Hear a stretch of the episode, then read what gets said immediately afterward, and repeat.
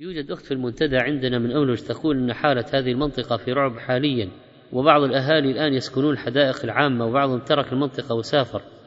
طبعا يا إخوان هذا الوضع الآن سبحان الله بعض الناس ما يدري عنه شيء مع أنه هذا وضع الآن يعني خطير.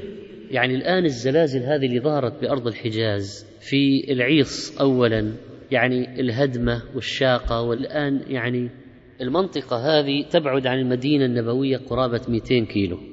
وتبعد عن ينبع 100 كيلو. تبعد عن جدة 400 وكذا كيلو. المنطقة هذه حرة. يعني إيش يعني حرة؟ يعني كان فيها حجارة سوداء نتيجة براكين قديمة وفي المنطقة في حوالي أكثر من ثمانين فوهة بركانية قديمة. لا يعرف أنها ثارت إلا يعني قبل الإسلام أكيد. يعني أنه ما في في الإسلام ما ما كتب عن هذه المنطقة أنه صار فيها ثوران بركاني من المؤرخين من مؤرخي الإسلام يعني كابن كثير والذهبي وإلى آخره. فيقول الجيولوجيون إن البراكين اللي فيها يمكن عمرها 2700 سنة. كذا تخمين هم يقدرون والله أعلم بالحقيقة. بس يقولون؟ أن هذه براكين قديمة صلى يمكن 2700 سنة. ما ثارت. والمنطقة هذه أيضا ما هي منطقة يعني معروفة بالزلازل من قديم والله أعلم. قيل أنه صار في 2005 مدري 2007 صار في شوية نشاط زلزالي خفيف وراح. المنطقة هذه من العام الماضي العام الماضي 1429 حصل فيها هزات خفيفة ما كان يحس بها البشر. الآلات بس بس الآلات. طبعا السنة هذه 1430 بدأت الهزات تشتد وتزيد. من شهر تقريبا أو ثلاثة أسابيع بدأ أهل المنطقة يسمعون فيها يعني الزلازل تشتد ويسمعون في باطن الأرض دوي كانفجارات المدافع. شفتوا هذه رصاصة الأسفلت هذه المدحلة لما تمشي كيف تطلع صوت تبع الأسفلت هذه الأسطوانة. اللي فيها الأسطوانة هذه. يقول كيف لو تمشي جنب سور بيتك؟ نفس الصوت. شيء يعني مفزع. الأصوات من باطن الأرض. ثم رجت الأرض. وصارت الزلازل. اثنين فاصلة كذا. ثم ثلاثة فاصلة كذا. ثم أربعة فاصلة سبعة. الزلزال اللي أربع يعني مو بالليلة الماضية اللي قبلها من الساعة سبعة المساء إلى 11 بالليل أربع زلازل. كل زلزال بلغت 4.7 ومن الأشياء اللي يعني المفزعة في ذلك أنه الزلازل هذه اشتدت زادت ثم امتدت يعني كانت في العيص. العيص منطقة معينة فيها بعض القرى ثم امتدت إلى نويبع ثم امتدت إلى ينبع النخل وامتدت إلى ينبع البحر وامتدت إلى المدينة وامتدت إلى أملج وامتدت إلى الوجه.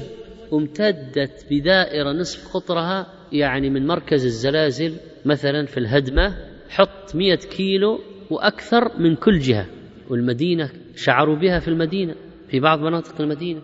الوجه فلما اشتدت الزلازل طبعا وجاءت رجال الدفاع المدني وجاءت الإسعافات وجاءت الآليات وجاءت الخيام والإيواء وكذا. لما اشتدت صار في تصدع مباني صار في خوف. الناس خرجت من البيوت راحت الحدائق في الشوارع. في المخيمات في أطفال يصيحون في الليل من البكاء بسبب الخوف والرعب والنساء يصرخن وترقب وفزع. هذا حقيقة. يقولون أن اللافة هذه المصهور البركاني تحت كان على عمق سبعة كيلو ثم صار على عمق خمسة كيلو من القشرة الأرضية ثم صار على عمق اثنين كيلو من القشرة الأرضية. يعني في تصاعد لهذه المصهور البركاني اللي تحت.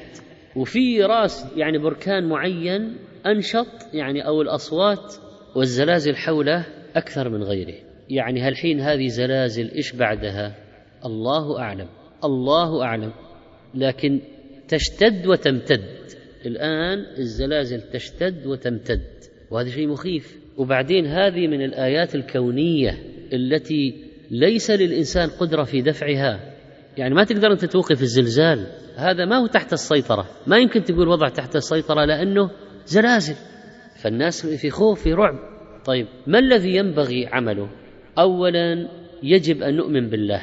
والله عز وجل هو الذي ارسى الأرض بالجبال والجبال أرساها. أن تميد بكم. جعل الأرض قرارا. أمن جعل الأرض قرارا. وجعل خلالها أنهارا. وجعل لها رواسي رواسي. طيب ليش تحدث الزلازل؟ حتى يرى العباد نعمة الله عليهم. أنتم اللي ما عندكم زلازل احمد ربك إن عندك تحتك أرض مستقرة تعيش عليها وتبني عليها وتزرع فيها. لو تحتك الأرض تميد والله ما تزرع ولا تصنع ولا تنام ولا تبني. كيف تروح تبني الآن بيت في أرض تتزلزل؟ اذكروا نعمة ربكم عليكم. واحد. اثنين. قدرة الله تعالى. يعني هذه الزلازل تري العباد ضعفهم وقدرة الله عليهم قوته عز وجل. ثلاثة نتذكر الساعة لأنه من أشراط الساعة كثرة الزلازل.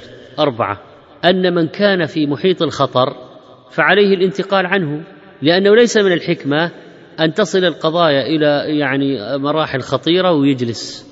يعني يجي يقول خلاص حتى لو دفنت ومت وانهدم علي منزلي وأنا جالس تحت المنزل حتى لو انهدم علي خلاص. مثل الفرار من سبع والفرار من السيل.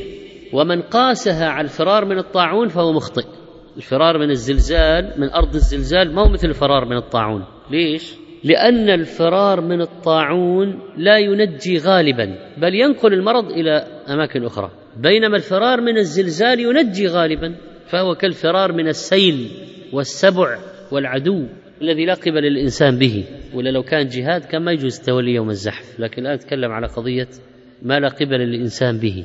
خمسة ينبغي على المسلمين أن يشعروا بشعور إخوانهم. يألم المؤمن لأهل الإيمان كما يألم الجسد لما في الرأس. وأن يكون هناك معاونة ومساعدة. يعني شوف الآن الناس الذين نزحوا من أماكنهم وين راحوا؟ في ناس راحوا في المخيمات طيب وناس آخرين وين راحوا؟ على أقاربهم وناس راحوا على وين؟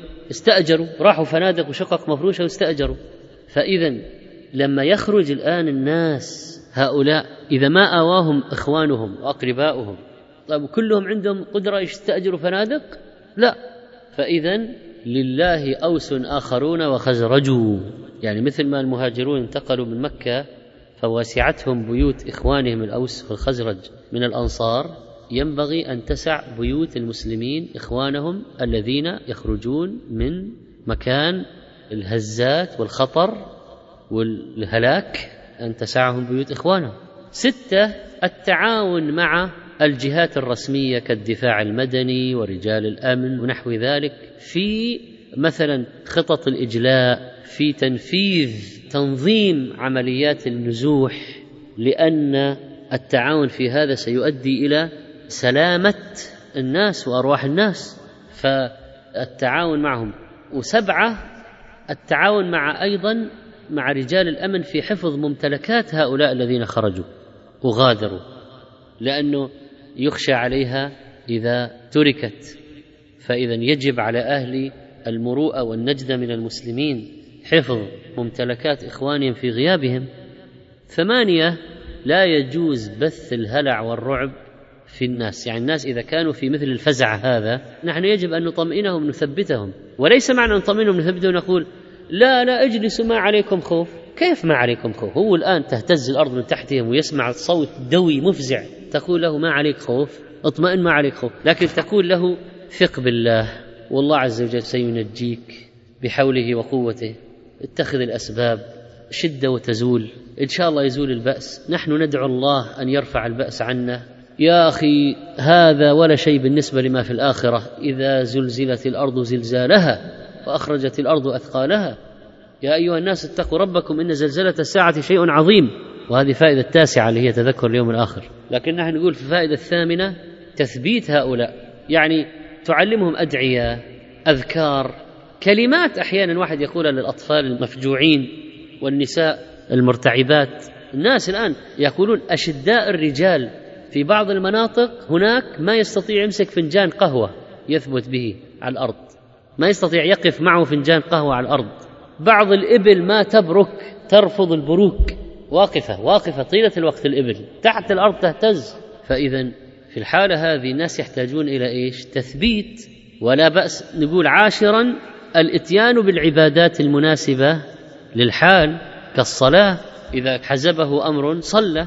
وبعدين في هذه من الآيات وما نرسل بالآيات إلا تخويفا. ويا أيها الذين آمنوا استعينوا بالصبر والصلاة. وابن عباس لما رجفت الأرض بهم في البلد قام وصلى قالوا صلاة الآيات. وصلى ابن عباس ست ركعات. حديث سنده صحيح كما قال حافظ بن حجر. وقيل كصلاة الكسوف وقيل أنها صلاة عادية يعني ركعتين يصلي ركعتين. فيصلي الناس فرادى وجماعة يصلون. كذلك أهل المصيبة يقنتون لأنفسهم. أهل المصيبة نفسهم أيضا يدعون الله يقبلون عليه. وإخوانهم يدعون لهم. نحن ندعو الله لهم بالسلامة ندعو الله لهم بالثبات ندعو الله لهم بالنجاة ندعو الله لهم بأن يربط على قلوبهم. أن ينزل عليهم السكينة أن يفرغ عليهم صبرا أن ينجيهم. يعني هذا من واجب المسلم لأخيه المسلم. فهذه عشر مسائل أو نقاط في قضية زلازل العيص منطقة العيص هذه وما امتد منها.